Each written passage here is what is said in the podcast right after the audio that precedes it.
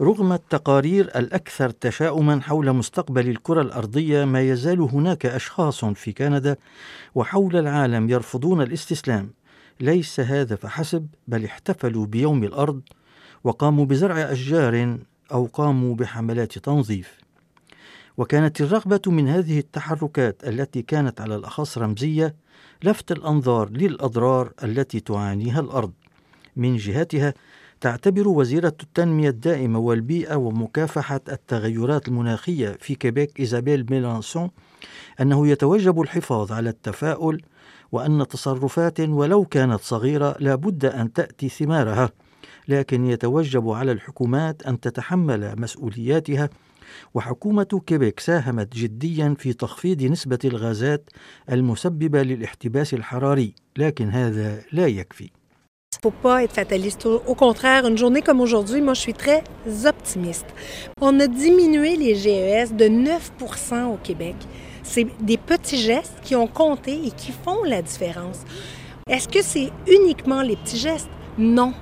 Bien sûr que les gouvernements, on doit prendre nos responsabilités.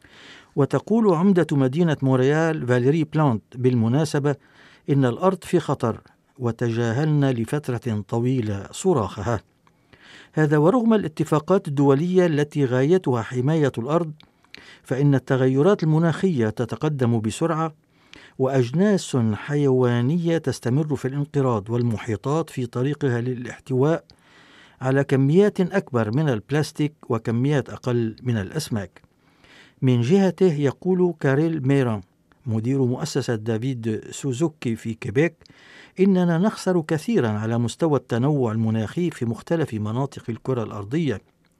فالطقس يزداد سخونة والغازات المسببة للاحتباس الحراري عادت لترتفع من جديد حول العالم. Euh, ben, ce qu'on croit, nous, c'est que le Canada devrait euh, viser au moins de euh, réduire ses émissions d'ici 2025 de, de, de, de, 25 à 30 par rapport à la, à l'année 2005, qui avait été l'année de référence qui avait été fixée par le, le pays. Et, et, aussi, ça donné les moyens de réviser cet objectif-là à, tout, à des périodes de cinq ans. Donc, ça, c'est quelque chose qui est important parce que en ce moment, on n'est pas sur une trajectoire qui nous permet d'atteindre des réductions importantes d'émissions pour l'avenir. Euh, et, et, donc, il faut vraiment augmenter les rythmes. من جهتها مديرة مؤسسة البيئة للشبيبة كاترين غوتيه قالت إن الوقت أصبح متأخرا لنعيد الأجناس المهددة بالانقراض لأنها قد انقرضت كما أنه لم يعد ممكنا بالنسبة للأشخاص الذين يقومون بالزراعة الحياتية أي من أجل معيشتهم وقوتهم أن يستمروا بهذا النشاط لأنهم تأثروا بالجفاف. يشار إلى أن عددا كبيرا من المشاكل البيئية مثل الإنتاج الزائد للنفايات البلاستيكية تشكل تحديا هائلا للبيئة وللحياة الحيوانية والنباتية. وتقدر كميات البلاستيك الموجود حاليا في الطبيعة بثمانية مليارات طن مع الإشارة إلى أن أقل من 10% فقط من البلاستيك يعاد تصنيعه. ويقول وزير البيئة الأسبق في مقاطعة كيبيك والزعيم الأسبق للحزب الديمقراطي الجديد على الصعيد الفيدرالي توماس ميلكير وهو حاليا يشغل منصب رئيس اللجنة الإدارية ليوم الأرض في مقاطعة كيبيك.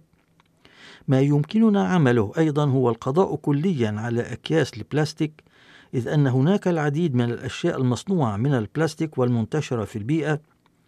لنعد لأشياء أكثر حفاظا على البيئة. Le plastique est un énorme problème et il faut commencer à s'y adresser, notamment en revenant à des produits faits en, dans d'autres matériaux qui peuvent être recyclés ou même compostés. C'est vrai qu'on peut faire des choses avec le plastique, mais il faut surtout arrêter d'en produire autant. On produit des centaines de milliers de kilogrammes de plastique chaque seconde. Alors c'est évident qu'il faut changer. Notre société. من جهته يعتبر كاريل ميران من مؤسسة دافيد سوزوكي بأن الإنسان هو المسؤول الأول عن تدهور البيئة وهذا ليس حتمي فالاختيار بين أيدينا هذا وأكد توماس ميلكير الذي سيبدأ عمله قريبا كأستاذ جامعي في مونريال على عدم جدوى الاستسلام بل أن هناك أملا وأن الحلول تأتي مع الأجيال الصاعدة وهو يؤكد أن جيل الشباب متحمس وأن هذه الشبيبة ملتزمة جدا بمواقفها المدافعة عن البيئة وتطالب الذين سبقوهم في السن بالالتزام بها. ويعتبر ملكير بأن مكافحة النفايات البلاستيكية هي من بين الرهانات الأكثر أهمية وأن تحرك الحكومات وتحرك الأشخاص باستطاعتهما إحداث تغييرات هامة. نحن ننتج يتابع ملكير مئات الآلاف الأطنان من كيلوغرامات البلاستيك كل ثانية حول العالم.